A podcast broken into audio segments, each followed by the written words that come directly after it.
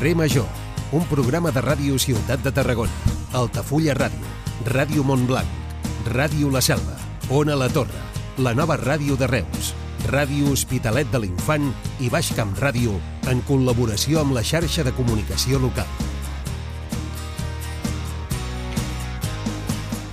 Hola, bona tarda. Dia de problemes ferroviaris, però aquí estem acompanyant-vos a Carrer Major fent el programa 1165. Som la gent de 8 emissores del Camp de Tarragona que treballem conjuntament per explicar-vos el més important del territori i també notícies una mica més àmplies, com avui, que s'han fet públiques eh, coincidint amb la proximitat del 25N, les denúncies per violència masclista a Catalunya han augmentat un 10% i les detencions un 13% respecte l'any 2022. Això tenint en compte les dades des de l'1 de gener fins ara a finals d'octubre. Segons les dades que, que s'han facilitat, l'assetjament ha crescut un 62%, els delictes sexuals un 38% i els trencaments de condemna un 17%. Com dèiem, des de l'1 de gener fins al 31 d'octubre, les, segons les dades que han facilitat avui els Mossos d'Esquadra, s'han instruït més de 14.000 denúncies. Això, com dèiem, és més d'un 10% respecte l'any passat. I s'han detingut una mica més de 6.000 homes. Hem de dir també que per franges d'edat les més afectades serien les dones que van dels 21 fins als 50 anys, eh, que representen prop del 70% de les víctimes. Són dades que s'han facilitat avui, ja ho dèiem, des del cos dels Mossos d'Esquadra i coincidint amb la proximitat del eh, 25enes, que és el Dia Internacional per l'eradicació de la violència envers les dones. I també hem dit ara al començar el programa que ha sigut dia de problemes ferroviaris. De fet, aquí una servidora, que és usuària habitual del tren, avui ha hagut de pagar una morterada en taxi per poder arribar a treballar perquè els trens no circulaven. De fet, diversos usuaris de Rodalies i també de regionals, sobretot a través de xarxes socials, s'han eh, queixat d'una possible vaga encoberta dels treballadors de Renfe i Adif. Recordem que de vaga ja n'hi ha una de convocada, que en principi era de 5 dies i que havia de començar demà, dia 24. Una vaga convocada en contra del traspàs de Rodalies i que havia d'afectar tots els serveis ferroviaris, eh, incloent també eh, als regionals i també als trens d'alta velocitat. Des d'aquest programa ens hem posat en contacte amb el CEMAF, que és un dels sindicats convocants d'aquesta aturada. Estan desbordats de trucades, no podien atendre a tothom. Nosaltres tenim eh, la petició traslladada i esperem que, si no és avui, demà eh, puguem conversar en alguns moments amb ells eh, per explicar aquestes circumstàncies. La qüestió és que avui el servei ferroviari no va com hauria d'anar. I tot això en un dia en què s'ha fet públic que Pere Macias serà el comissionat pel traspàs de Rodalies. I si dieu, mmm, aquest nom em sona, no us ha d'estranyar, i és que Pere Macias, eh, persona de tota la vida de Convergència Unió, havia estat conseller en l'etapa de Jordi Pujol, havia estat conseller de Medi Ambient i també de Política Territorial i Obres Públiques. És un bon coneixedor del sistema ferroviari i, de fet, era eh, coordinador del Pla de Rodalies 2020-2030 eh, per part del Ministeri. Doncs eh, s'ha desvetllat ja aquest misteri de qui serà el comissionat pel traspàs de Rodalies, una persona que es dedicarà en exclusiva a gestionar tot el tema ferroviari al nostre país i mentrestant tenim problemes de trens, però és igual. Sobreviurem, anirem a treballar com sigui i eh, engeguem aquesta edició d'avui de Carrer Major, el programa que fem possible, com dèiem, 8 emissores al Camp de Tarragona, Us acompanyem l'Iri Rodríguez, l'Aleix Pérez, en David Fernández, la Gemma Bufies, la Cristina Artacho, l'Adrià Requesens, en Jonai González, l'Antoni Mellado, Antoni Mateus, jo mateixa que sóc l'Anna Plaça i el Iago Moreno. Comencem.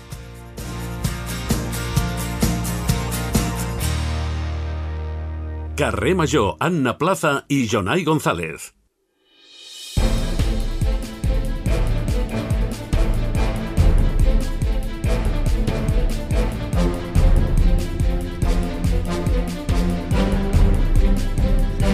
Són les 4 i 7 minuts, moment de repassar en forma de titulars les notícies més destacades del dia al Camp de Tarragona. Ho fem amb en Jonai González. Bona tarda, Jonai. Molt bona tarda.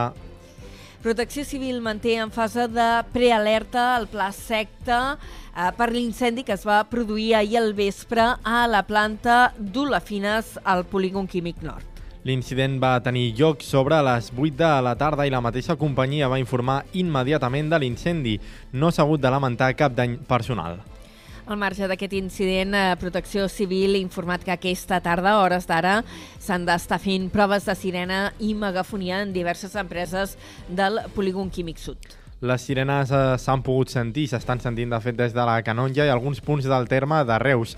Les proves han començat a les 3 de la tarda i està previst que acabin a dos quarts de 5. D'altra banda, la directora general de Protecció Civil, Marta Casany, ha anunciat en aquest eh, programa, ho feia ahir, que s'ha obert ja la licitació per poder comprar els més de 500 sensors que s'instal·laran al voltant dels polígons petroquímics de Tarragona.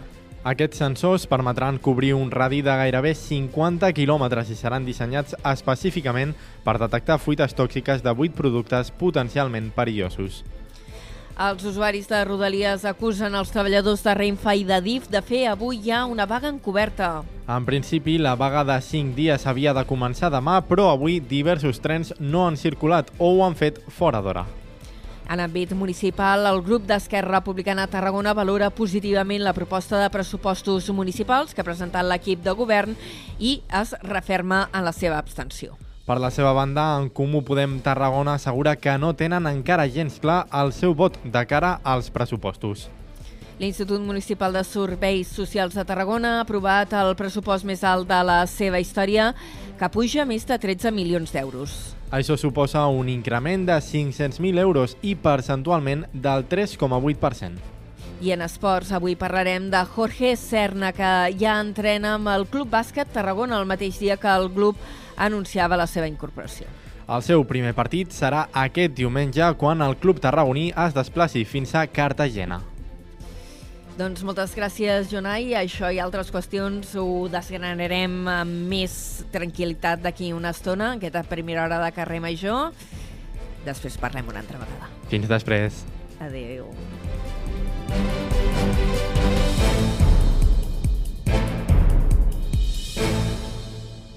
Carrer Major. Toni Mateos.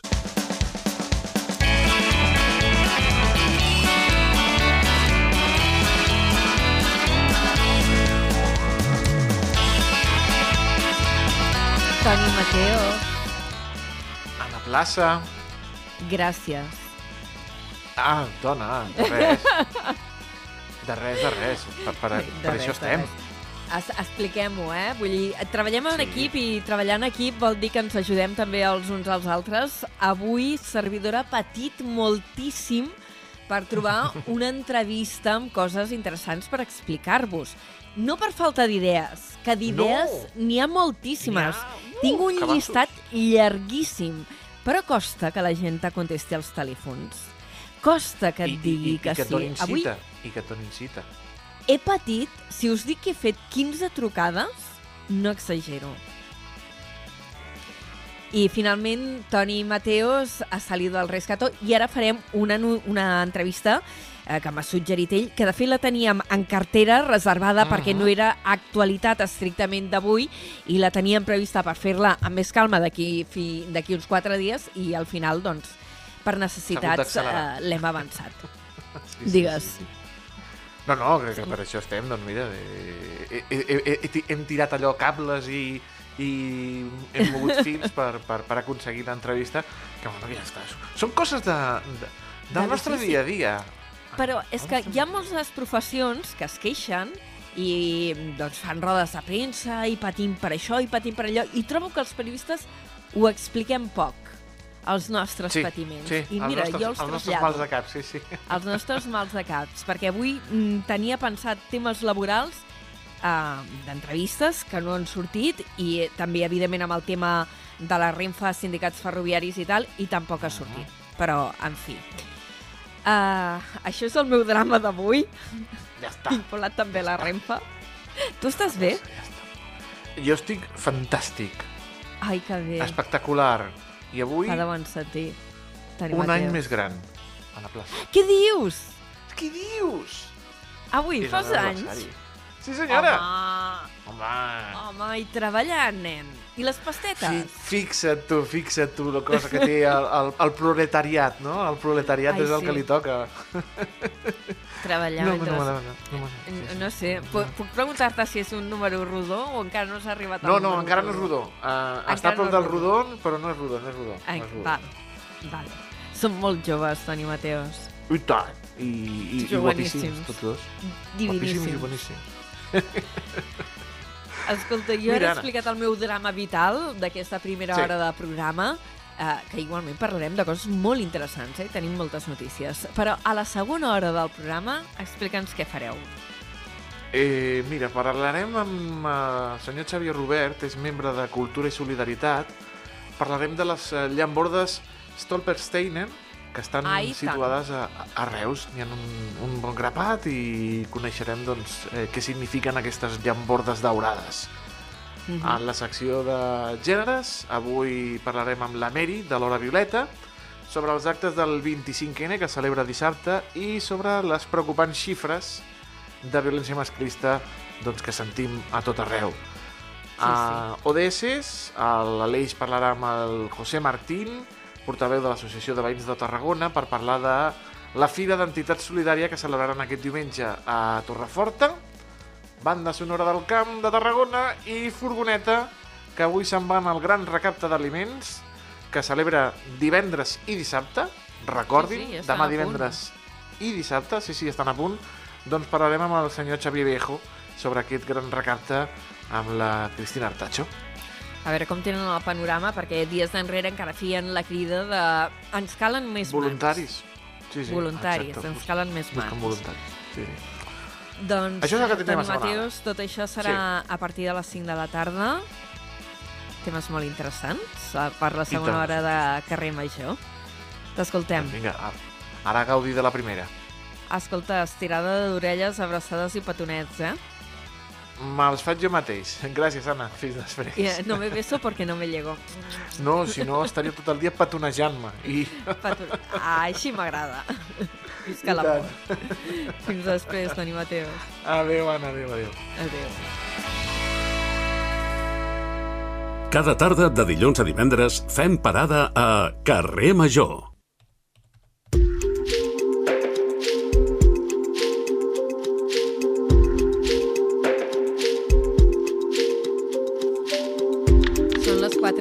4 i 16 minuts. Uh, Posem-nos una mica seriosos uh, per abordar la primera entrevista del eh, programa.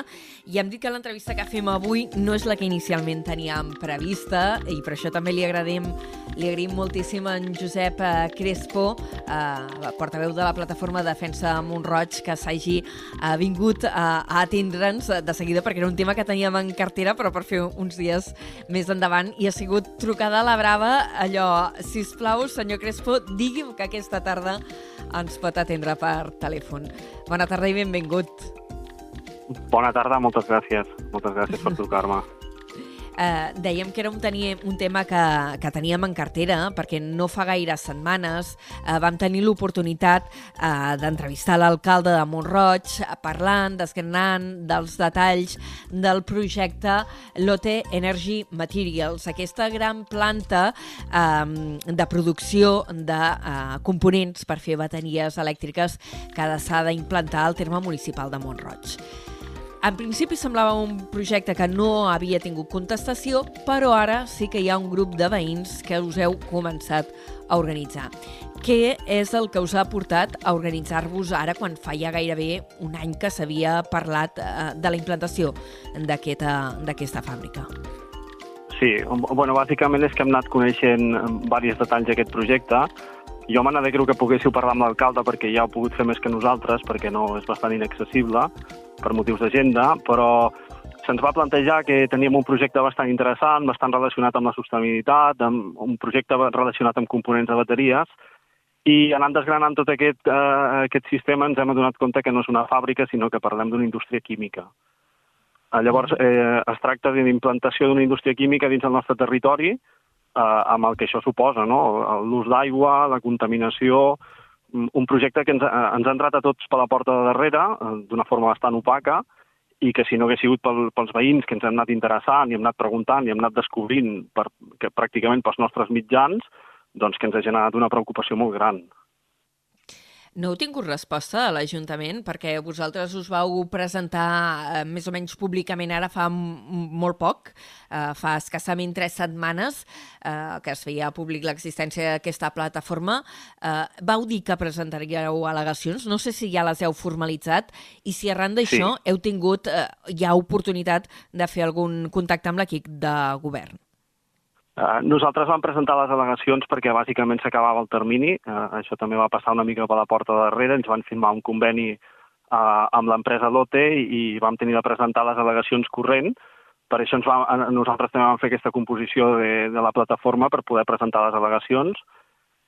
No vam rebre cap resposta, tot i que n'hem tramitat bastantes, i posteriorment inclús hem enviat correus als regidors, hem fet diferents propostes i l'únic que ens consta és una reunió entre una, una associació de veïns, la més afectada, que és la, la, la del Club Montroig, que és la que estarà davant de la fàbrica, però per la resta de la població no hi ha més informació, no, no ha vingut ningú ni defensar ni de tractar el projecte, no, no en sabem pràcticament res. I les al·legacions exactament a què són? Perquè ara no sé si ja ha començat tramitació urbanística o és un pas previ. Exactament al·legueu contra què?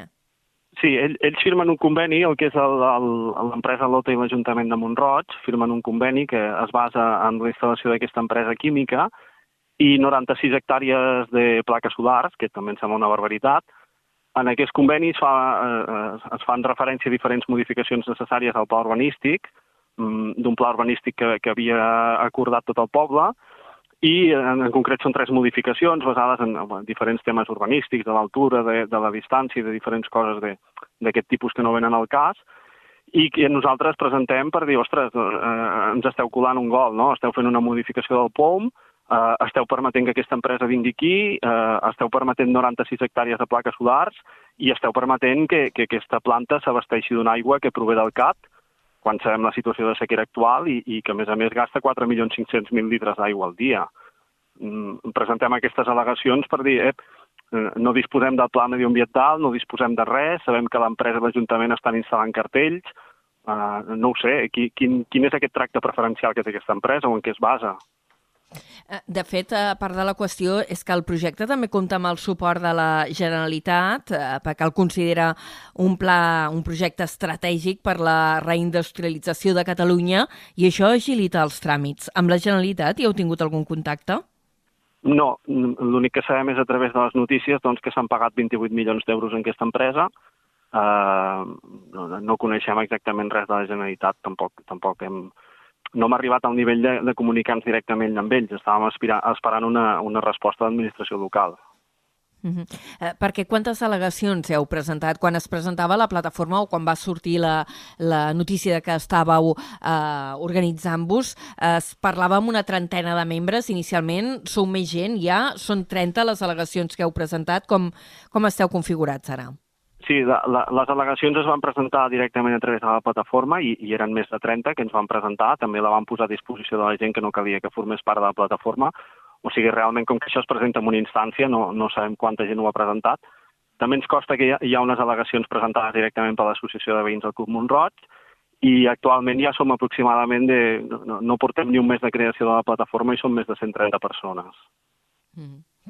Eh, hi va haver una presentació, l'Ajuntament tenia voluntat de fer una presentació del projecte eh, públicament a finals del mes d'octubre. No sé si vau tenir eh, l'oportunitat eh, d'anar-hi i què us va semblar el que s'hi va exposar. Sí, nosaltres hi vam anar a nivell particular, encara no estàvem organitzats com a associació, i, i va ser un altre dels motius que ens va, ens va preocupar, no? perquè allí es van presentar moltes xifres, es va presentar l'empresa, van fer un càtering excepcional, però no es va parlar ni de nivells de contaminació, ni sí que es va parlar de la quantitat d'aigua, perquè els hi van preguntar, o sigui, jo els hi vaig preguntar directament la quantitat d'aigua que feien servir, però tot era molt, doncs, bueno, això ho posarem aquí davant de les cases, però no molestarà, no hi haurà xamanelles, no farà servir àcids, eh, sí que van reconèixer que és una indústria química, i això també ho agraïm, i vam reconèixer que, que es canviava el sol d'una categoria industrial 3 a categoria industrial 6, que és la que permet haver-hi una, una indústria química. Això és la, una química de màxim risc, que l'alcalde després es va retractar, que ens va dir que no, que no era, no ho sabem. Total que la modificació del POM consta i està presentada en el conveni i ells presenten aquesta modificació del sol industrial que a categoria 6, que és la, la, la mateixa que permetria una química, una petroquímica, un complex industrial gran però la modificació del POUM encara no està aprovada, no?, aquesta modificació urbanística. És un tràmit que encara doncs, s'ha de fer.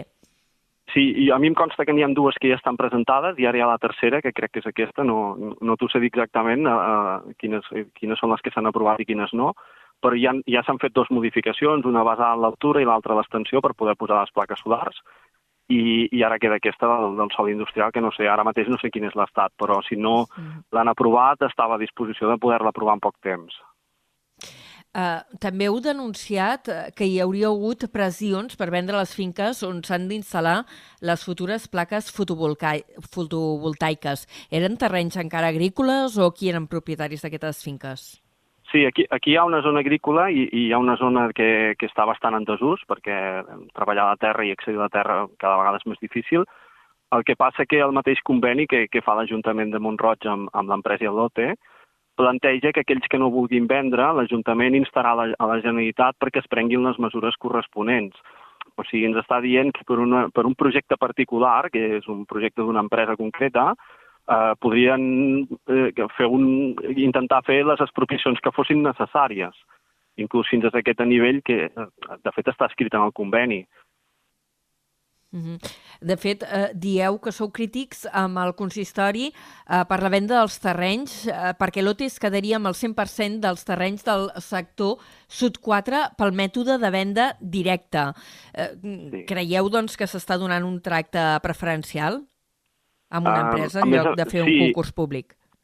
Uh, exacte, i a més a més hi ha, hi ha una segona qüestió que ens preocupa molt, que és aquest ús de l'aigua, que, que tot i que sabem que és viable per lo que és el CAT, segurament no sigui ètic en els moments que estem, però en el cas que el CAT no pogués proveir l'aigua, eh, ens resulta molt curiós que l'empresa proposa la compra d'aquests terrenys de, de, per, per col·locar les plaques fotovoltaiques i no parlem de compra, en, vull dir, no parlem de lloguer, sinó que és una compra, i a sota d'aquests terrenys s'hi troba un aqüífer bastant important, que és l'aqüífer de Montroig. Llavors, com que els estem donant no, no tan sols totes les facilitats, sinó que ells disposaran d'aquest accés a l'aigua i és una aigua que és molt necessària per tots els que ara mateix estem treballant allí. Mm -hmm. uh, diuen, o quan van presentar el projecte, perquè clar, estem parlant d'un projecte poca broma, de 400 milions d'euros, en principi per fer una primera fàbrica amb possibilitat eh, d'obrir-ne una segona més endavant en funció eh, de les demandes per un sector estratègic com és el del cotxe elèctric per fer components de, de bateries. Eh, i deien, clar, mm, eh, des de, des de l'empresa es va defensar també la sostenibilitat del projecte a nivell energètic per la implantació d'aquestes eh, plaques fotovoltaiques, eh, però també deien que la meitat de l'aigua que s'utilitzaria seria aigua regenerada. Vosaltres això no ho acabeu de veure clar? No, perquè de fet ells ja han sol·licitat al CAT eh, la concessió de l'aigua. O sigui, tot això tampoc ho veiem clar perquè els, els fets parlen d'una altra manera. Sí que segurament puguin reutilitzar aigua, però l'ús el necessiten directament del CAT, sense aquesta aprovació del CAT i donar-los l'aigua directament, aquesta empresa és inviable i de fet va ser una de les preguntes que els va fer la presentació sobre quin era el plan B, no? No ens creiem que no tingueu un plan B fent aquesta inversió. Eh, el plan B suposem que són els aquífers, però de moment han demanat la concessió de l'aigua i l'ús de l'aigua hi és, i, i això suposa el que suposa per, per, per la situació en la que estem actualment. I amb l'empresa hi heu tingut uh, oportunitat de fer-hi algun contacte? No ho sé, com que vau anar, per exemple, en aquest acte de presentació, que haguéssiu fet algun intercanvi d'impressions o haver demanat algun telèfon de contacte per poder tenir més informació? No, no, també completament opac, no, més que de les respostes que vam poder fer durant la presentació, no, no em sabíem res més. Uh -huh. no. no us van tranquil·litzar les preguntes que vau poder fer durant la presentació?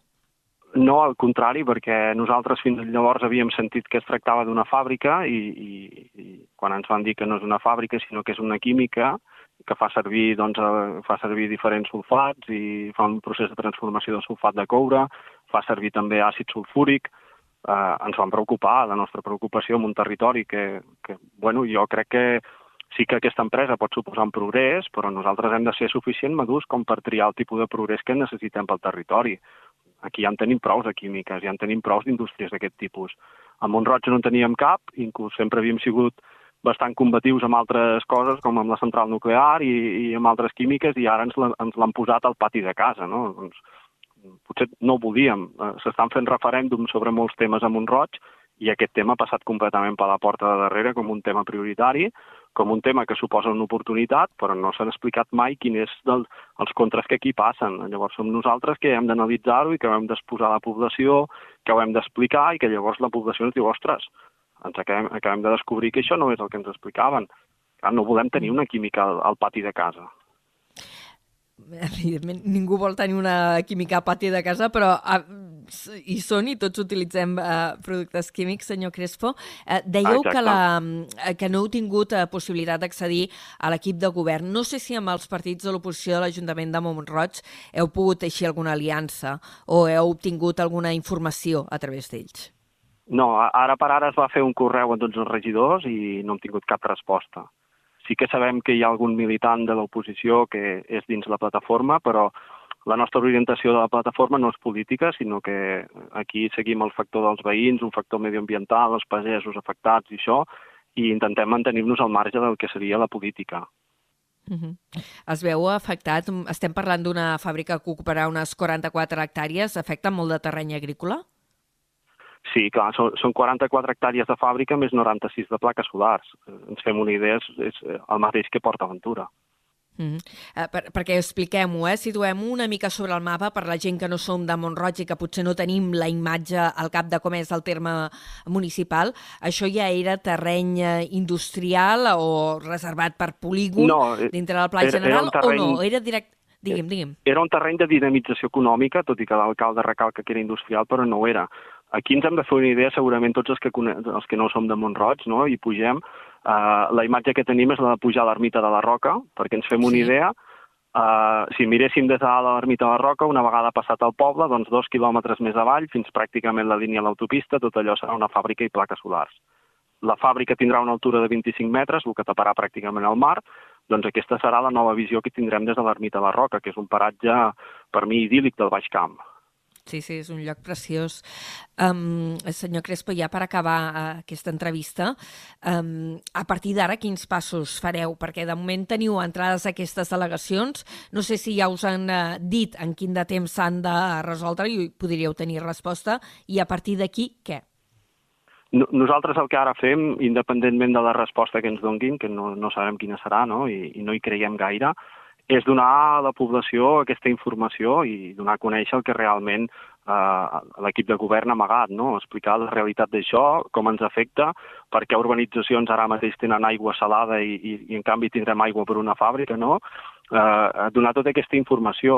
Estem contactant amb altres plataformes també, de fet, ahir ens vam reunir amb la plataforma per la defensa de l'Ebre per explicar la situació, estem també en relació amb altres plataformes, hem tingut comunicacions amb el GPEC, amb, amb Xarxa Sur, la nostra intenció és no, no només mm, fer veure a la població o explicar-los el que realment eh, eh, l'Ajuntament ens ha amagat, no? el que suposa aquesta fàbrica, sinó també donar a conèixer les poblacions locals, com per exemple Cambrils, que queda, queda, queda afectat en tota la, la part que toca el terme.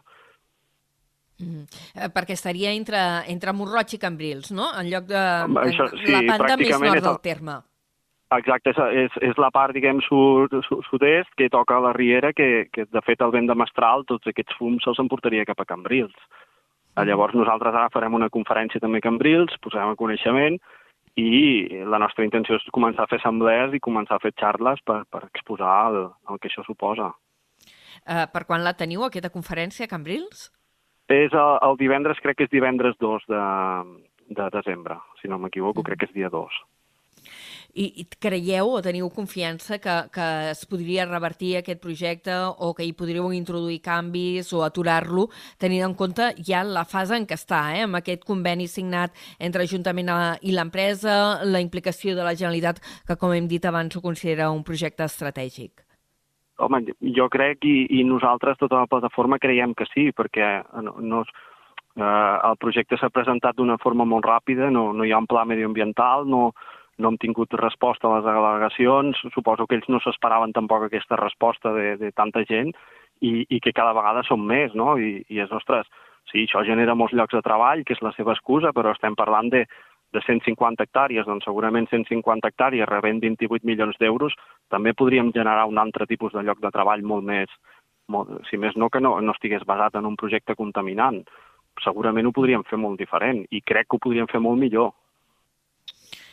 Doncs eh, esperem que tingueu resposta, almenys que tingueu accés també a, als representants polítics, perquè a vegades això, el, també el desconeixement o la falta d'informació directa és el que fa sortir moltes eh, suspicàcies. Avui hem parlat amb en Josep eh, Crespo, que és portaveu de la plataforma en defensa del Montroig, que s'ha constituït eh, com a oposició eh, al projecte de l'OT Energy Materials, que ja ho sabeu, és aquesta macroempresa que es vol implantar implantar al terme municipal de Montroig per fabricar components electrofoils, em sembla que se'n diu, eh, per fer les bateries dels cotxes elèctrics. Senyor Crespo, eh, moltes gràcies, ja hem fet el contacte i qualsevol cosa seguirem, seguirem conversant en altres ocasions, segurament. Moltes gràcies a vosaltres per la difusió. Fins ara, bona tarda, adéu-siau. Bona tarda, adéu. Adéu. Carrer Major, al Camp de Tarragona, des de ben a prop.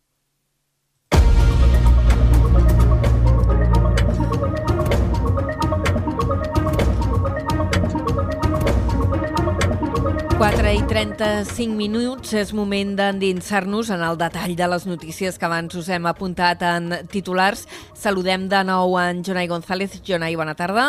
Molt bona tarda de nou.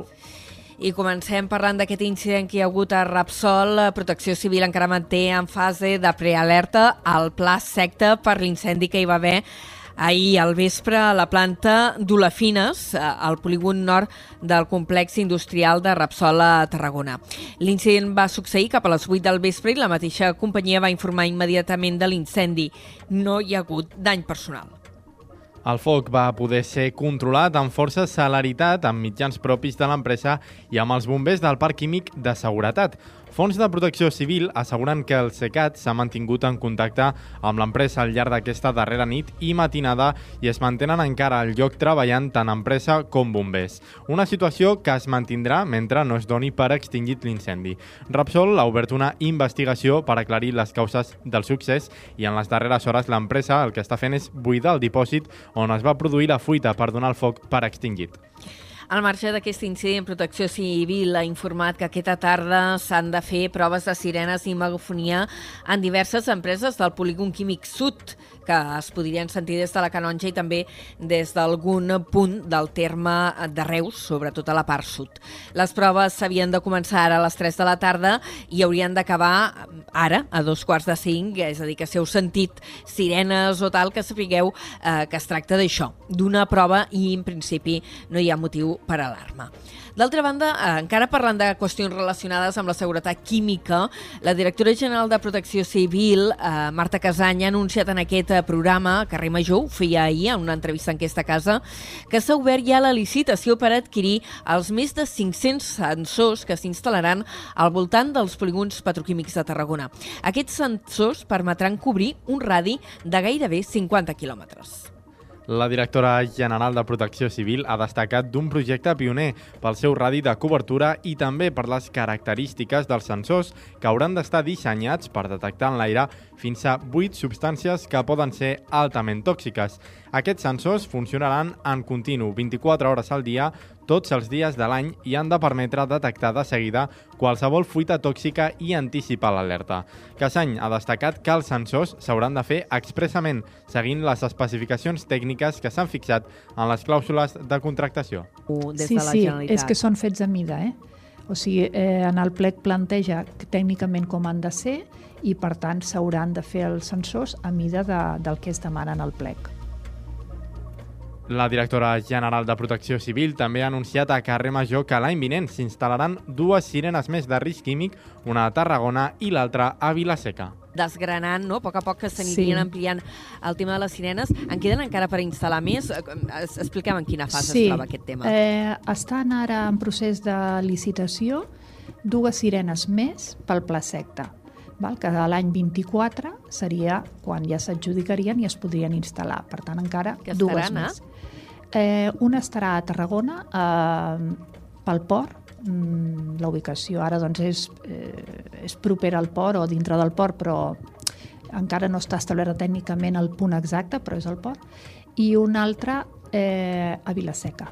Eh? Aquestes són les dues que, sirenes que es posaran a l'any vinent.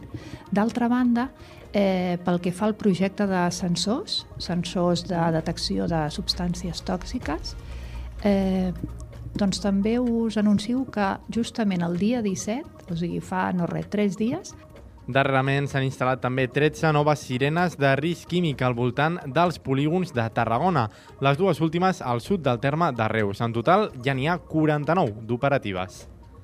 I hem dit al principi del programa que hi ha hagut eh, problemes de mobilitat avui amb els trens regionals i de Rodalies. De fet, diversos usuaris han acusat els treballadors de Renfe i DIF i Adif de fer una vaga encoberta.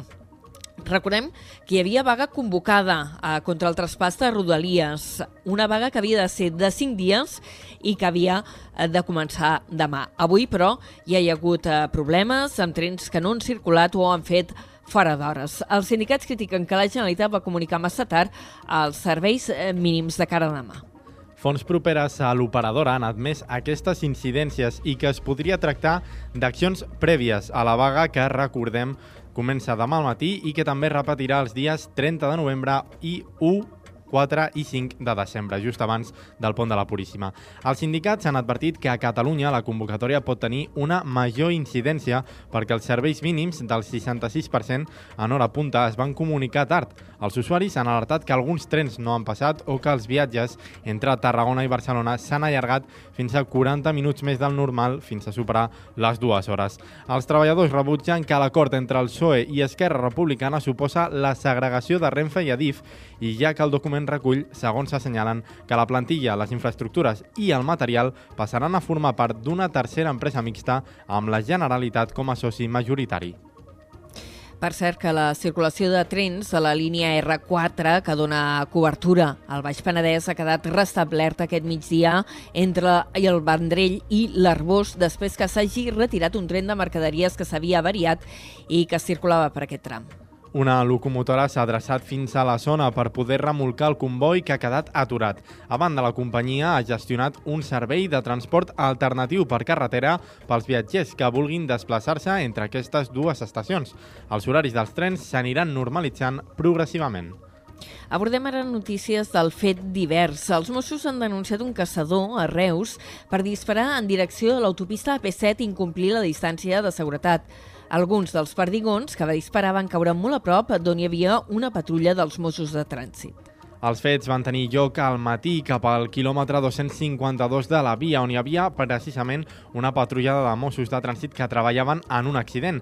Mentre feien el servei van sentir trets d'escopeta molt a prop i tot seguit van veure un, cansa un caçador que marxava ràpidament de la zona. La patrulla el va perseguir i el va localitzar poc després. Els agents van sol·licitar la intervenció de la Unitat Regional de Medi Ambient que en arribar al lloc i després de fer les comprovacions van denunciar administrativament al caçador per no la distància de seguretat de 75 metres a una via ràpida per efectuar el tret en direcció a l'autopista B7 i per caçar en zona de seguretat declarada. Els Mossos recorden que les multes regulades per la llei estatal de caça constitueixen infraccions molt greus penalitzades amb entre 3.000 i 120.000 euros. D'altra banda, els Mossos han detingut tres dones per fer-se passar per falses revisores de gas i que aprofitarien per estafar persones grans vulnerables de Tarragona. Els arrestos s'han fet a Barcelona i la policia investiga una quarta persona, un home, que es troba a la presó. Les tres dones tenen 23, 26 i 34 anys i l'altre home investigat en té 32. Tots ells formen part d'un grup especialitzat que els Mossos han pogut desarticular.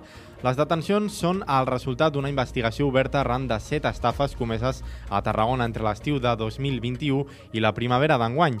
El modus operandi sempre era el mateix. Les dones utilitzaven l'engany per accedir als immobles i mentre una distreia la víctima, les altres dues aprofitaven per agafar joies i documentació bancària que usaven per realitzar transaccions fraudulentes.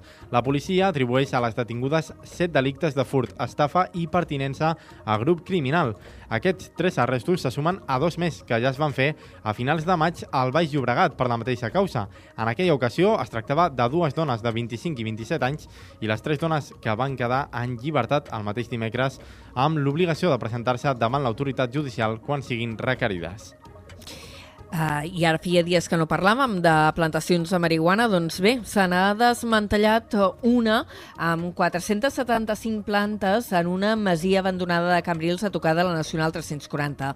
Els cossos policials han obert diligències per un delicte contra la salut pública i també per defraudació de fluid elèctric. En l'operatiu també han decomissat altres materials usats pel cultiu, com ara llums, transformadors i ventiladors. En aquesta mateixa finca ja es va desmantellar una altra plantació l'any 2018. La investigació continua oberta i els agents es dirigien a identificar persones que residien de manera irregular en un habitatge que no reunia les condicions d'habitabilitat quan van localitzar aquesta masia. I ara anem cap a Reus perquè els Mossos d'Esquadra hi han detingut un home que hauria comès vuit robatoris en establiments comercials. Tots els robatoris van tenir lloc en comerços del centre de la ciutat. Ens ho amplia des de la nova ràdio de Reus, en David Fernández. El detingut, un home de Reus de 48 anys, se l'imputen fins a 8 delictes de robatoris amb força produïts entre els mesos de setembre i novembre. Després de forçar les portes d'accés dels comerços amb un tornavís, accedia sol a l'interior i s'emportava els diners de les caixes enregistradores. Durant aquest temps, havia actuat a qualsevol hora del dia en establiments molt pròxims entre ells del carrer Llobera i del Pilar. A banda de diners, en una botiga del carrer Jesús també van dur-se objectes de valor i en un establiment del Raval Santana hi va entrar fins a quatre vegades. Els Mossos van detenir-lo la matinada d'aquest dimecres a la Riera de Miró i van comprovar que acumula fins a 25 antecedents previs de caràcter similar. Aquest dijous ha passat a disposició del jutjat en funcions de Guàrdia de Reus. Moltes gràcies, David. Eh, I un darrer apunt, ara parlant de salvament marítim, que ahir va rescatar tres tripulants d'un veler que estava a la deriva davant de la costa de Tarragona, en el tram de les Terres de l'Ebre. Una embarcació que tenia problemes al motor i les veles trencades. L'embarcació es va localitzar a 32 quilòmetres de la costa, a prop de la plataforma petrolífera Casablanca. L'avís es va rebre poc després de les 3 de la tarda, quan els tripulants van alertar a una altra embarcació de la seva situació. En l'operatiu hi van participar Salvament Marítim amb un helicòpter, una embarcació i un remolcador. Els tripulants van ser rescatats en bon estat físic i el veler es va remolcar al port de la Ràpita poc després de les 11 de la nit.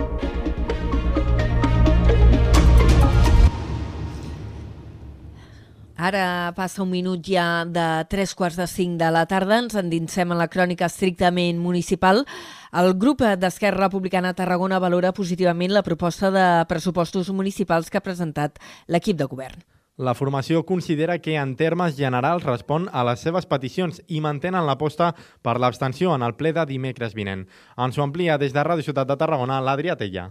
Ho defensa la portaveu d'Esquerra Tarragona, Maria Roig, qui explica que han aconseguit un paquet d'inversions de 4,2 milions d'euros que revertiran en projectes molt rellevants per la ciutat. En termes generals, respon a les peticions del grup municipal d'Esquerra i, per tant, en fem una valoració positiva. Tal com vam anunciar, hem aconseguit un paquet d'inversions de 4,2 milions d'euros que revertiran en projectes molt rellevants per la ciutat i que segueixen aquest rumb que sempre hem defensat de cohesió i sostenibilitat.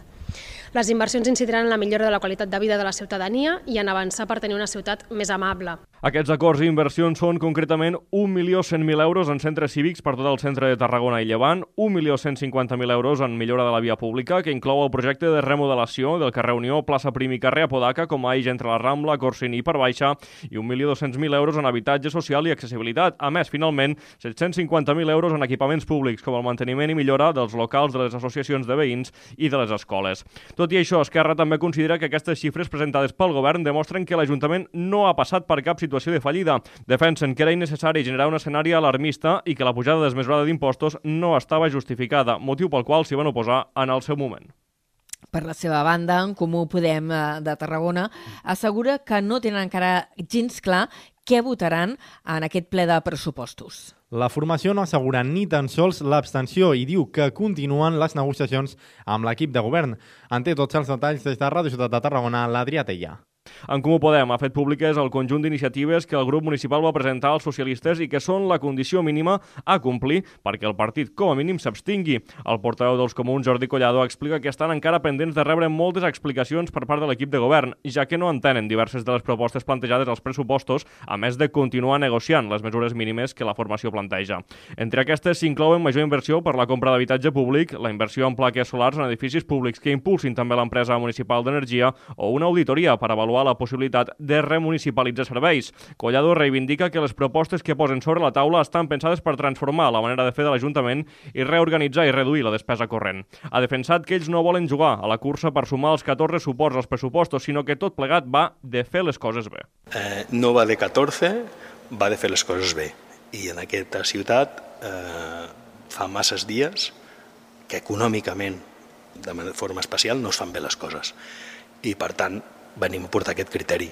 Si el volen escoltar bé i si no el volen escoltar també. O sigui, no tenim cap problema. El portaveu dels comuns ha advertit a l'actual equip de govern del risc dels 21 milions d'euros d'inversions. Collado considera que és necessari assegurar l'execució dels projectes i afirma que l'acumulació de projectes pendents als últims anys explica per què la ciutat no tira, afegint que en aquest cas no és una qüestió de tenir o no tenir diners.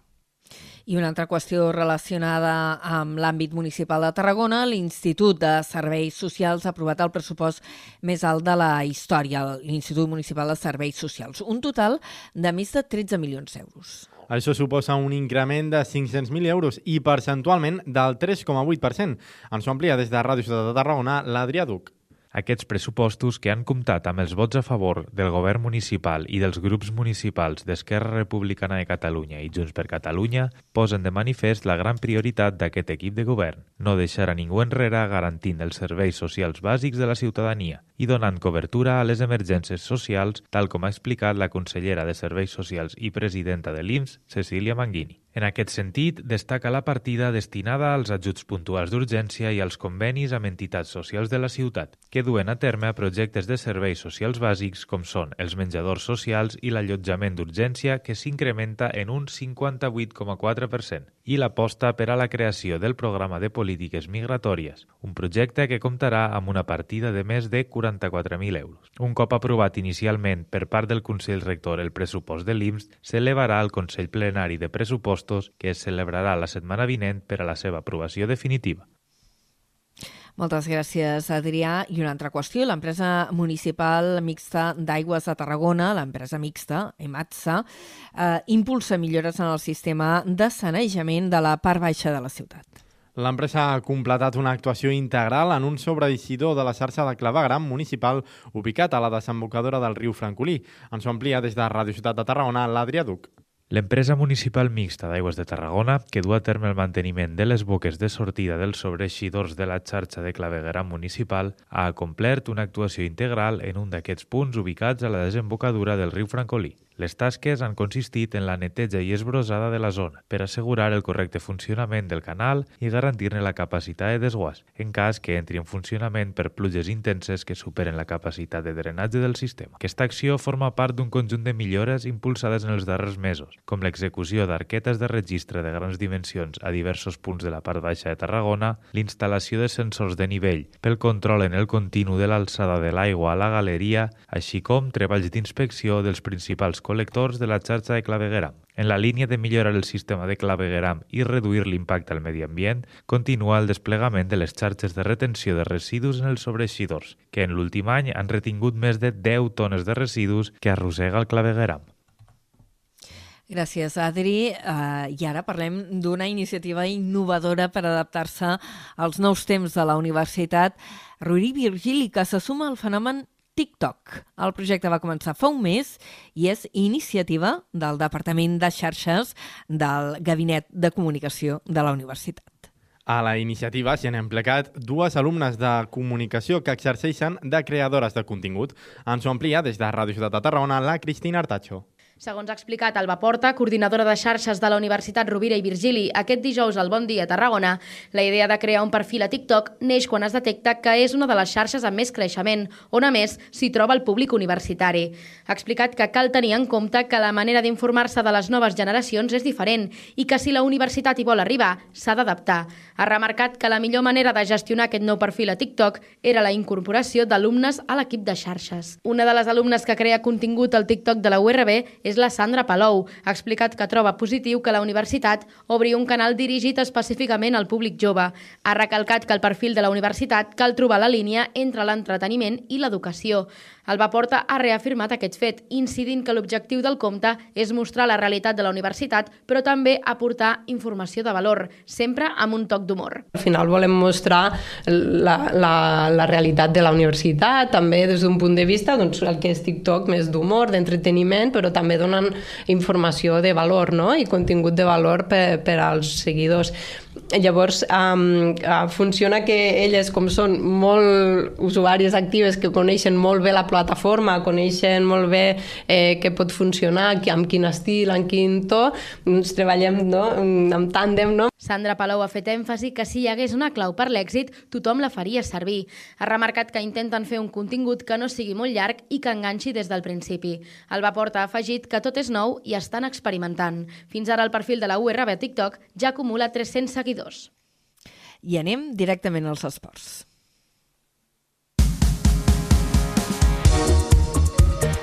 Per explicar-vos que el nou entrenador del Club Bàsquet Tarragona, Jorge Serna, ja ha conegut el seu nou equip. El seu primer partit serà aquest diumenge quan el club tarragoní es desplaci a Cartagena. Ahir Jorge Serna va fer les primeres declaracions al capdavant de l'equip. En temes detalls, l'Arnau Curto des de Ràdio Ciutat de Tarragona. El mateix dia de l'anunci de la seva incorporació com a entrenador del primer equip de l'Iversol CBT, Jorge Serna ja ha dirigit el primer entrenament del conjunt blau. Serna té una tasca molt complicada al davant, com és la permanència de l'equip tarragoní a l'Ep Plata, després d'un molt mal inici de Lliga, amb una victòria i set derrotes. El nou tècnic valora així quins són els aspectes a millorar dels tarragonins. Yo creo que los jugadores lo más importante es que tienen la capacidad de tirar esto para adelante. Eh, tenemos que mejorar fundamentalmente todos los aspectos vinculados a la intensidad, el rebote, la velocidad, la defensa del uno contra uno, eh, pero son los, digamos, los clásicos de un equipo en esta situación. ¿no? El Club Bàsquet Tarragona treballa aquesta setmana amb l'avís de posada al pròxim partit a la pista de l'Odilo Cartagena aquest diumenge a les 12 del migdia.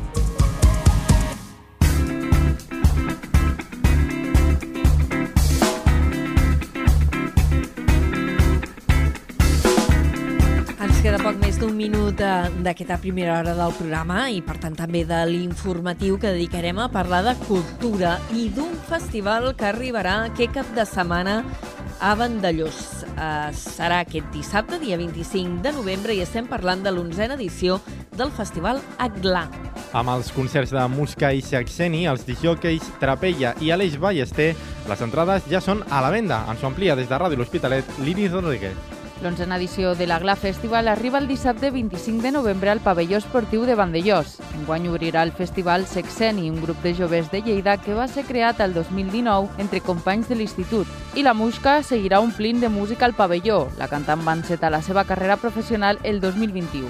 Ha col·laborat amb artistes reconeguts de la indústria catalana com són 31 Fam, The Diets, entre d'altres. I tancaran la nit dos grans DJs, DJ Trapella i DJ Aleix Ballester. Aquest festival de música està organitzat per l'Associació de Joves de Vandellós amb la col·laboració de l'Ajuntament de Vandellós i l'Hospitalet de l'Infant. I les entrades tenen un cost de 15 euros a taquilla i 10 euros amb compra anticipada. Els interessats les poden adquirir a la cooperativa de Vandellós o bé online a la web entradium.com.